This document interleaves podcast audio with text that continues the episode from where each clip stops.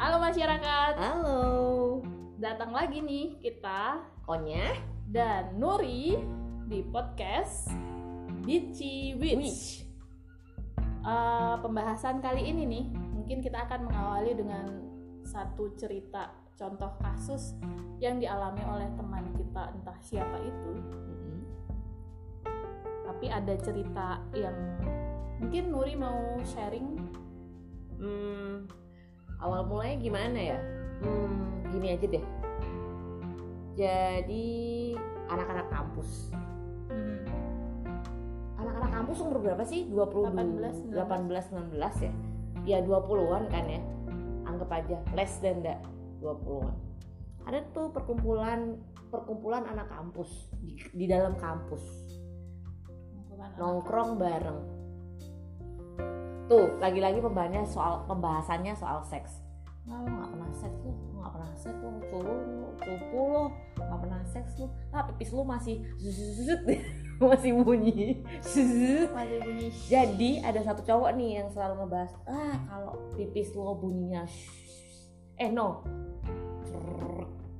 kalau pipis lo bunyinya cerrrr, bukan gitu, it mean you are masih virgin gitu. kalau bunyinya tes, Hujan rintik-rintik. dari pipis oke terus Nah, jadi ada satu cewek yang memang memang belum pernah terucap di kata-katanya. Oh, gue punya pacar nih atau oh, gue punya kasih nih atau oh gue pernah ini nih gitu nggak ada di dalam di mulutnya dia tuh nggak pernah dia cuma memperhatikan teman-temannya di umur di umur umur it, di umur itu, Itu. 18 19 20 itu Aha, kenapa teman-temannya udah merasakan punya pacar dan mereka udah doing udah having sex gitu. Nah, satu cewek ini selalu dibully di sekolah, di kampus. Sampai pada akhirnya dia ngerasa nggak enak sama dirinya sendiri. Kenapa sih? Gara-gara gua nggak di, gara-gara gua dibully, gue jadi antusias nih buat mencari pacar dan gue jadi ekspor pac, eks, eks, eks, expect seks di dalam hubungannya dia gitu akhirnya pada akhirnya setelah bullying bullying bertahun-tahun bisa dua tahun. Iya. Perundungan terjadi. Perundungan terjadi dan dia mulai galau mulai antusias tapi aduh gimana dong? Akhirnya dia melakukannya. Asik. Kan? ceritanya asik kan nggak asik sih. Asik kan asik ah. Terus akhirnya dari mana dia mendapatkan kekasih yang mau diajak seks? Zaman itu kan belum ada Tinder tuh. Ya zaman dulu nggak ada Tinder. I- zaman dulu kan masih nongkrong di acara band-bandan ya? Jadi nunggu dibungkus gitu ya ke acara. Nggak ada dulu bahasa bungkus itu bahasa bungkus itu kan bahasa iya. bahasa bahasa bungkus nunggu di tentu nunggu di pacaran dulu tuh pacaran dulu. Oh pacaran dulu. Dulu pacaran dulu baru wah seks. mulia sekali. Oke mulia iya. sekali zaman dulu. Mm. iya. Pacaran dulu baru pelan-pelan baru seks. Mm. dan kasus dia selalu bilang nih wah aku udah ini nih udah ngerasain titit. kartu kredit. Bukan titit bu kartu kredit. Oh lah kartu kredit apaan? Gue bingung kan. Kartu kredit apa? Gesek.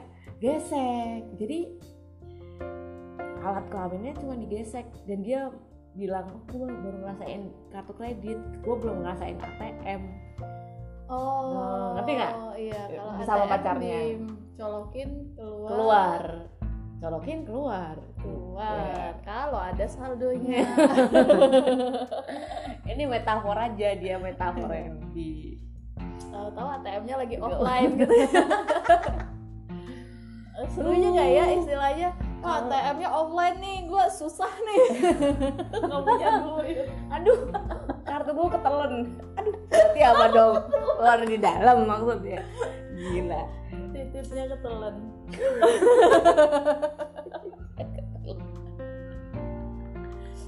Iya, kenapa itu menjadi di sini terlihat ada jadi kontradiksi yang awalnya aku pikir seks itu adalah sesuatu yang tabu tetapi ternyata ada cerita yang malah mendorong orang untuk melakukan aktivitas itu. Kenapa itu bisa terjadi? Kenapa mereka tidak mendorong orang untuk mematuhi norma-norma gitu? Kenapa kok malah mendorong orang untuk melanggar norma? salah pergaulan mungkin wa Salah atau pergaulan. enggak juga Harusnya sih bergaulnya dengan yang enggak enggak juga Enggak. itu bisa kita bahas nanti di seks agama soal pergaulan pergaulannya jadi gimana salah pergaulannya?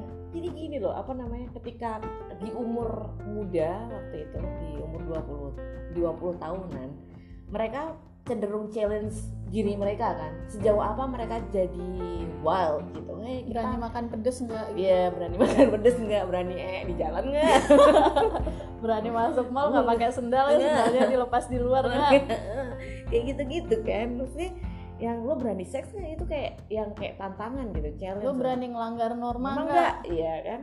Ya enggak menurut lo gimana Iya, memang ada kecenderungan orang-orang muda untuk melakukan hal-hal yang bertentangan ya. Menganggap norma-norma lama itu sesuatu yang usang, jadi coba di challenge.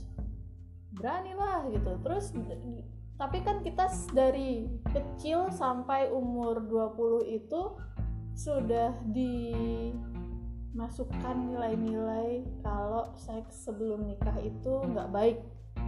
Ya nggak? Ya seks itu adalah hal yang tabu. Seks itu masturbasi tidak boleh. itu nggak boleh. Boleh.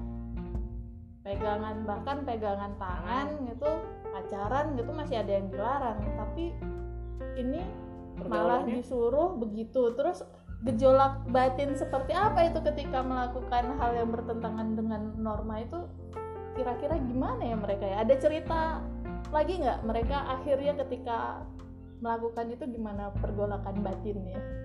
Eh, sekarang gini aja kalau misalnya pernah nggak ciuman pertama kali?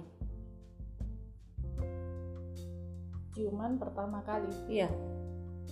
Ketika kita kecil sampai gede kita dididik untuk punya norma norma bokap gue yang nyium pertama kali ya? Iya iya. Ya iya juga ya ya gue ngerasa asik-asik aja dicium bokap gue iya. Iya. Deh. bokap bokap gue sih tapi kan bukan kiss ya. mulut ke mulut. Ini gara-gara apa sih sebenarnya kita jadi punya norma? Gara-gara orang-orang bikin kesepakatan nggak ajak-ajak. Tapi itu gimana tuh? Eh, si batinnya si pelaku itu ketika melakukan hal yang bertentangan dengan norma. Ya dia ngerasa kok antara pro sama kontra ya. Maksudnya apa ya? Di dalam tubuhnya tuh kayak perang perang batin perang batin. Perang Hmm. batin ngerasa kalau ini salah gue gue lakuin ini salah. Tapi gue pengen tapi gue dituntut untuk fit in di sosial dia mungkin. Mungkin Hmm. atau dia ngerasa oh gue cupu nih gue nggak pernah ngelakuin itu. Hmm. tapi pas ketika dia melakukannya switch adalah rasa kecewa. Ada kecewa ya. Kecewa. Karena seperti orang yang ciuman pertama tuh ngerasa kayak ada sesuatu yang diambil atau itu dogma sebenarnya. Dogma yang seharusnya itu baik-baik saja kayak kita dicium itu rasa kasih sayang. Itu kayak rasa kasih gitu kan. Mungkin seks juga harusnya dari kecil sampai besar kita dibubuinnya itu rasa kasih gitu. Begitu gede kita bukan challenge kan jadinya. Tapi masa dari kecil udah nge-seks sih? Anjing. Iya kan? anjing. Ah, iya. Ngeri juga. Ih, masa dari SD udah nge-sex gitu gimana? Tuh? Cuman gara-gara dibubuin dikompor-komporin kompor. gara-gara seks Kalau misalnya nggak ada norma ya Yang kamu bilang. Ya. Kalau nggak ada norma Ma, ya Dari itu- kecil sampai besar Itu nggak ada norma, nggak ada norma masalah seks itu. Kalau nggak ada norma berarti adanya pengetahuan. Pengetahuan yang cukup logis. Jadi mungkin seks memang tidak dibutuhkan untuk anak-anak umur segitu. Kemudian ketika terjadi pubertas dorongan-dorongan seksual karena ada perubahan-perubahan di dalam tubuhnya itu semakin besar setelah puber. Nah, tapi boleh nggak sejauh mana sih kita boleh mengekspresikan itu? Kan muncul tuh rasa ingin melimpahkan afeksi, Mm-mm. rasa pengen pacaran, pengen ciuman. Itu tuh kan wajar sebenarnya. Keingin tahuanan, keingin tahuan seperti itu wajar, cuman seberapa jauh sih kita boleh melakukan itu batasannya apa itu kan jadi tidak pernah diajarkan. Karena dari awal itu udah dibuntetin udah ditutup akses pengetahuan untuk udah ditutup itu dengan pokoknya segala macam bentuk seksualitas itu nggak boleh. Nggak boleh. Seks itu tabu. Padahal dalam pertumbuhan kita sebagai manusia kita melewati yang namanya masa puber itu dan gejolak-gejolak itu wajar. Cuman perlu dikelola gitu. Perlu diketahui udah mulai butuh nih tapi terus gimana pengalihannya ke apa. Nanti kalau misalkan eh, oke gue memilih pacaran tahu nggak konsekuensinya kayak gimana pacaran itu? Memilih ciuman tahu nggak nanti konsekuensinya kayak gimana ciuman? Dan lain-lain seterusnya tentang konsen tentang bergain position dalam relasi. Itu juga bagian dari seks kan sebenarnya dan Mm. yang nggak pernah dibahas. Akhirnya ya karena tidak pernah dibahas itu tadi kita terdorong sama apa bulian-bulian dianggap nggak oke kalau belum nge-seks. Jadi kita melakukan seks itu karena proving uh-uh, supaya mendapatkan proof dari pergaulan, biar Pergaulan. bisa diterima di pergaulan. Nah itu kan jadi menutup pengetahuan yang bikin kita jadi kecewa. Oh gini toh rasanya akhirnya. Ya terus aja kayak nyesel karena nggak tahu konsekuensinya setelah itu apa gitu. Mm-mm. beda kalau mungkin udah siap udah tahu konsekuensinya udah tahu tentang kondisi tubuhnya yang oh ini yang terjadi sekarang gue mengalami puber terus memang merasa ingin ini itu ini itu. Ya itu dikelola atau mungkin kalau misalkan pengen pacaran pacaran itu yang kayak gimana model gimana terus nanti konsekuensinya apa. Itu akan meminimalisir rasa kecewa kalau kayak begitu mungkin. Tapi tapi di umur berapa sih kita siap untuk melakukan seks? Kayaknya kalau secara tubuh itu siapnya umur 21, 22 itu organ-organ seksual sudah eh, stabil. apa kabar di umur zaman dulu misalnya nenek gua ngesek dari umur berapa tuh 14 tahun wa Iya, 14 tahun iya, Iya. orang-orang zaman dulu. Nah, angka kematian ibu dan bayi zaman dulu juga tinggi ya kan. iya juga.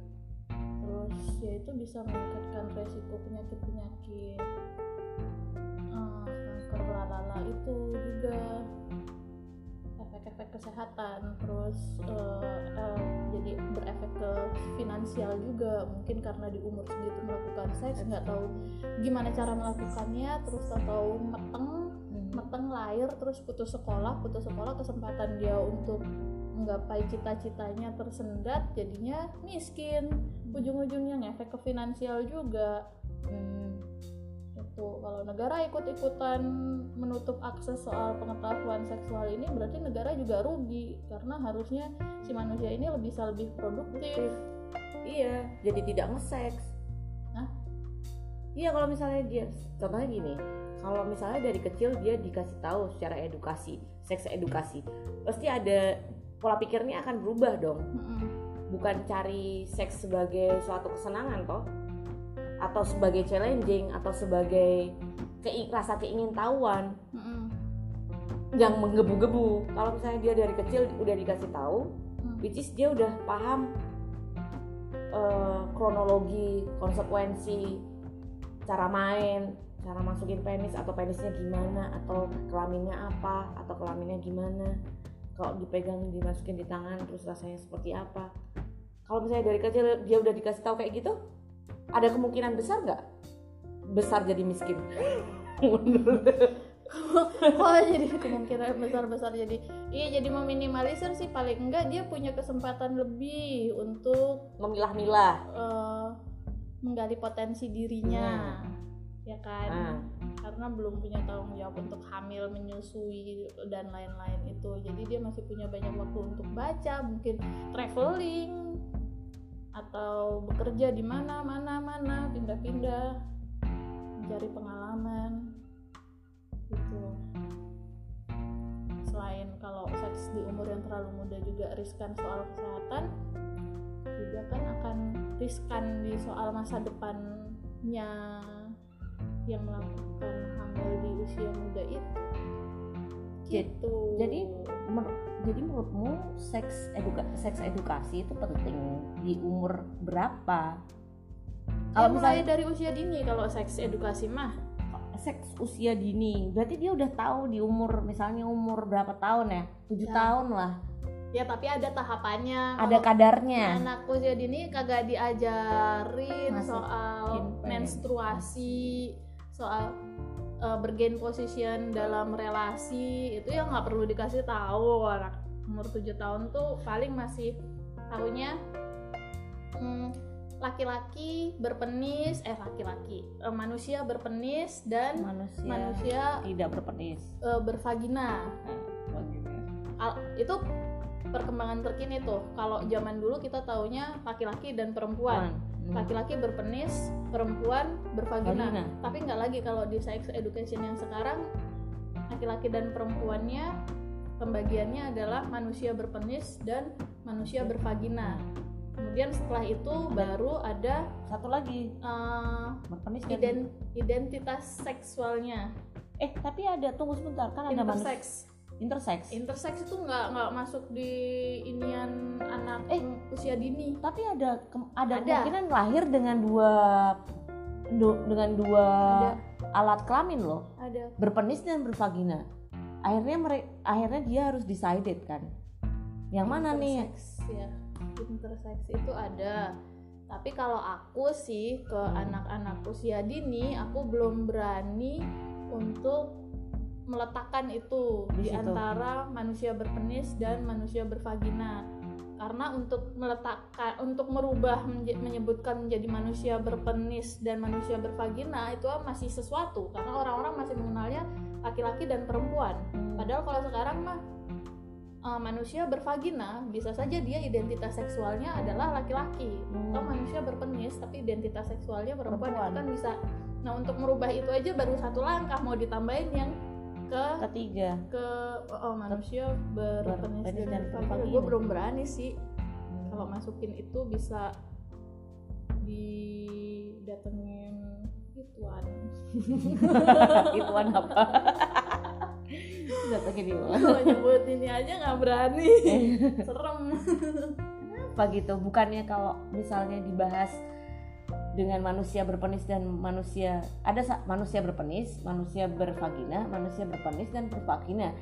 Jadi konsep nanti ke depannya di futuristiknya dia tahu gitu tiga tiga itu eksis di dunia. Nanti mungkin ya kalau dia udah uh, nggak tahu umur berapa mungkin itu bisa dimasukkan di puber. Puber. Ketika puber baru dimasukin itu. Mm-mm, masukin ke itu ke puber So di situ kan ada pengenalan alat reproduksi bedanya apa sama alat seksual terus eh, fungsi penis apa fungsi vagina gimana lebih biologi kan kalau anak-anak puber nah itu baru dimasukin ke situ Hmm. bahwa ada manusia yang memiliki penis dan juga memiliki vagina. Tapi kalau anak-anak belum berani, belum berani masukin itu. Gitu. Oke. Apa sih tadi pembahasannya kok sampai ke sana ya? Tadi itu kan masalah edukasi Oh, ya, karena gara edukasi. edukasi kenapa anak-anak kul- kuliahan jadi sok challenge gitu Ya, soal jadi kalau seks soal si edukasi seksual ya harusnya memang sejak dini, tapi ya bertahap ada tahapannya, nggak serta merta langsung kayak tadi serta merta langsung mengenalkan soal si manusia berpenis dan bervagina. ada Nah, kalau misalnya- loh kalau misalnya ada misalnya satu kelas SD anggap aja ada manusia berpenis dan bervagina kalau misalnya dia udah tahu kan dia nggak bakal bullying juga Hmm, ya, jadi kalau yang anak SD itu dikenalkannya pada perbedaan. Hmm. perbedaan oh temenku ada yang rambutnya keriting temenku ada yang rambutnya lurus Panjang. ada yang mancung ada yang pesek ada yang uh, cowok rambutnya gondrong dikenalkannya pada perbedaan-perbedaan Perbedaan seperti itu bahwa perbedaan itu nggak apa-apa kita macam-macam kayak gini biasa warna kulitnya beda-beda lihat warna kulitmu apa warna kulit temenmu apa Hmm. Nah, jadi mereka terbiasa dengan perbedaan itu. Kayaknya itu udah cukup deh kalau di mereka. Jadi mereka eh, meminimalisir bullying juga bahwa jadi mereka udah biasa gitu. Kalau Hmm. ngelihat orang beda itu bukan hal yang perlu dibully olok-olokan. Kayaknya itu aja udah cukup kalau anak-anak gitu. Hmm. Oke. Mengenal perbedaan itu dulu. Itu soal sih pendidikan seks ya. Mm-mm. Kan seks. Iya, kenapa tadi ngomongin oh karena si orang-orang dewasa yang dibully terus melakukan seks itu ya akhirnya ya. Mm-mm. Kamu punya nggak pengalaman lain soal dibully bukan bisa jadi yang lain misalnya kenapa? Cerita-cerita di sekitar aku sih banyak soal kehamilan tidak direncanakan kehamilan tidak diinginkan sih. Dan itu fenomenanya kalau aku melihat kok anak-anak yang kalem-kalem nih Hmm, tahu-tahu dung gitu mereka kayak eh, bingungnya banget kalau dibandingin sama anak-anak yang secara society dibilang bandel gitu terus dung gitu kayak mereka udah sigap banget Udah siap. udah siap menghadepin situasi kayak gitu gitu tuh jadi eh, agak kalau melihat kasus ah dia anaknya kayak gitu gitu gitu kalem gitu bisa ya bisa hamil ya bukannya kalau misalnya kalem-kalem gitu dia lebih antusias untuk mendalami sebuah ilmu. Ilmu perseksan lebih antusias ah. karena dia cari tahu sendiri bukan? Bukan dari kata siapa kata kata siapa kata siapa. Kalau misalnya dia an- cari tahu. kalau terlalu banyak kalau sosial dia cari tahu ya dia tahu apa yang dia lakukan loh. Tapi dia melakukan kayak tanpa tahu konsekuensinya. Ya, ya bisa juga ya benar juga. Jadi dia nggak sadar dengan eh, apa yang dia lakukan. Dia nggak sadar dengan perubahan di dirinya. Pengen pengen ya udah lakukan aja. Cuman nggak tahu nanti konsekuensinya kayak gimana. Mungkin karena di lingkungannya juga tidak pernah membicarakan soal seks. Karena itu tabu. Eh tunggu sebentar. Tapi kalau masalah masalah tekdung nih masalah hamil di luar nikah bisa juga bukan dari perempuannya bisa juga bukan dari laki-lakinya ada salah satu yang memang tidak tahu gitu loh. Walaupun dia culun misalnya kamu bilang tadi anaknya pendiam. Anaknya pendiam terus Hmm. diam-diam kok hamil gitu kan. Kalem gitu kalem. ya. mungkin bisa juga dia digging digging informasinya lebih banyak. Tapi pasangannya belum tentu dia tahu kan. Pasangannya belum belum tentu dia tahu. mendalami seks bisa juga waktu misalnya nih waktu masa-masa seksnya oh jangan udah udah udah udah. Eh. Tapi dia tidak tidak terlatih untuk menahan diri. Cowoknya tidak terlatih untuk antisipasi kan? Iya. Cowoknya nggak tahu konsekuensinya. Berarti ini salah cowoknya. Jadi kalau tekdung kalau teh nggak tahu ya kalau nyari salah salahan ya nggak tahu siapa yang salah kok nyari yang salah. Ya biasanya kalau misalnya cewek eh, seseorang itu konsen pasti dia konsen kalau maksudnya ngerti gitu. Kalau seseorang itu mencari tahunya mm, beneran nggak cuma dari situs porno Hmm. ya dia tahu konsen dong. Oh ya oke. Ya kan dia tahu relasi yang baik yang sehat itu kayak gimana dia tahu dong. Iya. Ya kan? Iya. Ya berarti kalau Make dia sense. cari tahu tapi cuma cari tahu situs porno doang mah. Oh iya. Bener juga. Tapi ya jatuhnya jadi begitu. Memang yang paling gampang memuaskan pengetahuan Puan. soal seks itu ya praktek. buka aja situs porno. Praktek aja. Yang paling hmm, contoh yang paling sering itu kan dari anak-anak tuh udah mulai ada keinginan tahuan eh adik bayi kok bisa ada di situ ya? Nah itu udah di cut tuh ininya sama orang tua akses untuk pengetahuan soal adik bayi kok ada di situ gitu. iya. Udah di cut di situ orang tua nggak mau menjelaskan itu dengan jujur nggak mau kasih tahu karena kebanyakan orang tua juga malu menjelaskannya atau metodenya bingung kayak gimana menyampaikannya. Terus akhirnya terputus soal informasi itu. Akhirnya mereka cari-cari tahu sendiri tanya anak SD tanya ke temennya yang SMP mungkin ada yang mau ngasih tahu eh sini tak kasih tahu. Adik bayi itu bisa ada di situ kayak gini caranya dikasih lihat fi- film porno. Yang paling gampang kan itu oh iya juga. Video porno. Jadi mereka taunya seks itu ya dari video porno gitu. Karena yang dewasa dewasa kayak kita udah menganggap itu tabu dan kayak pertanyaan anak kecil nggak perlu dijawab. Yang sebenarnya itu penting. Ya jawab aja dulu se sesuai dengan umurnya sepengetahuan kita. Mungkin kalau kita nggak bisa menjawab saat itu bisa jawab di kala yang lain karena misalkan kalau omong-omongan adep-adepan malu nih. Hmm. bisa ngejawabnya sambil cuci piring. Praktek jadi ibunya gitu. Bu kenapa sih adik bayi? Ada ada bisa ada di perut? Praktek nih ya? Ya praktek. Bisa ada di perut? Iya karena bapak dan ibu kan menikah. Kenapa harus menikah oke kita ini ya pembahasan orang Biasanya umum ya. orang umum Oh, iya ya, orang bapak umum. ibu menikah. Heeh. kok bisa ada di emang itu nanya ke siapa? Si anak nanya ke siapa dulu? nanya ke ibunya. Nanya ke ibunya kan? Ibunya lagi nyuci kan tadi? Iya lagi nyuci. Kok bisa ada adik bayi bayi sih perutnya? iya karena bapak dan ibu menikah. Oh jadi anaknya tuh kalau menikah terus punya anak anaknya ada di perut. Menurut kamu dia nggak berpikir ulang kok bisa gitu ya? Bisa. Iya kan? Ada nanti nanti ujungnya cari tahu lah. Pertanyaannya kalau anak udah lebih gede lagi kok nanti bisa sih? Kok bisa? Ada di perut? Ada pertanyaan yang sama ya Iya. tapi ya iya belum selesai, kamu belum. gimana masuknya? Adik bayi kok bisa ada di situ? Adik bayi? Iya. Nah, itu bisa diajak nonton video YouTube, ada di YouTube. Jadi, bagaimana pertemuan si eh, sel telur dan sperma itu itu ada kartunnya gitu di YouTube. Aku lupa linknya apa, tapi ditontonin itu aja daripada menjelaskan gitu kan. Mungkin nggak terbayangkan juga gitu. Sama si anaknya sperma itu apa? Sel telur itu apa? Nah itu ada gambarnya. Ya tapi dulu ada aku di YouTube. tapi dulu aku punya ponakan. Ditanyain tuh kok uh, kalau kakak punya kalau kakak pengen punya adik ibu bapak harus bobok dulu. Adik harus bobok eh kakak harus bobok dulu. Bobok lebih awal.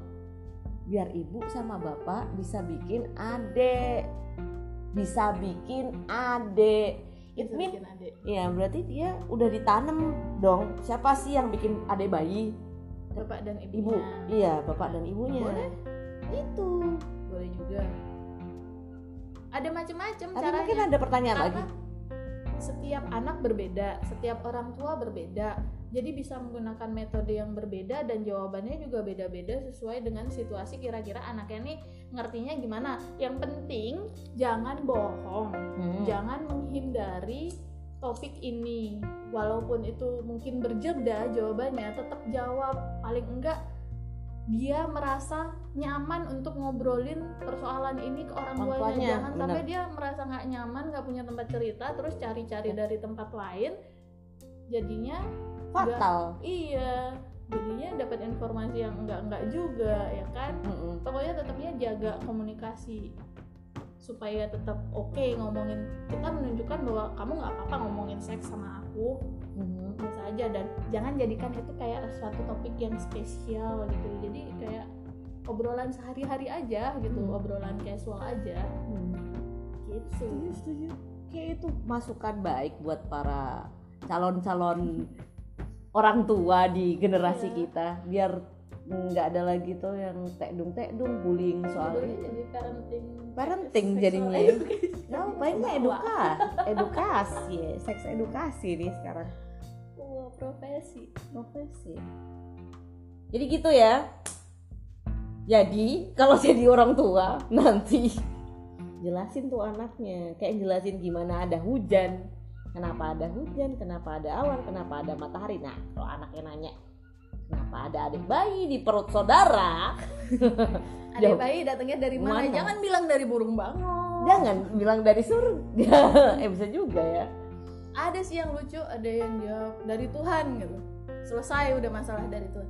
Ya iya sih dari Tuhan. Tuhan. Memang semua semua juga dari Tuhan. Tapi prosesnya kayak gimana gitu. Ya nggak apa-apa. Terus nanti kan anaknya akan bertanya lagi ya. Mm-mm. Yang penting ya nggak apa-apa. Dia bertanya itu malah bagus. Percaya berarti untuk membicarakan topik itu dengan kita ya kan. Iya, iya. Jadi buat ibu-ibu yang nggak bisa menjelaskan, bisa. Bapak-bapak juga bapak-bapak Oh, juga. dedek. Dede. Dede Dede udah mau menjelaskan ke Dede Rai. gitu ya. Hmm, Oke, Oke nih. oke. Dadah nih. Dadah. Dadah. Dah. See ya in the next episode. by me. Bye.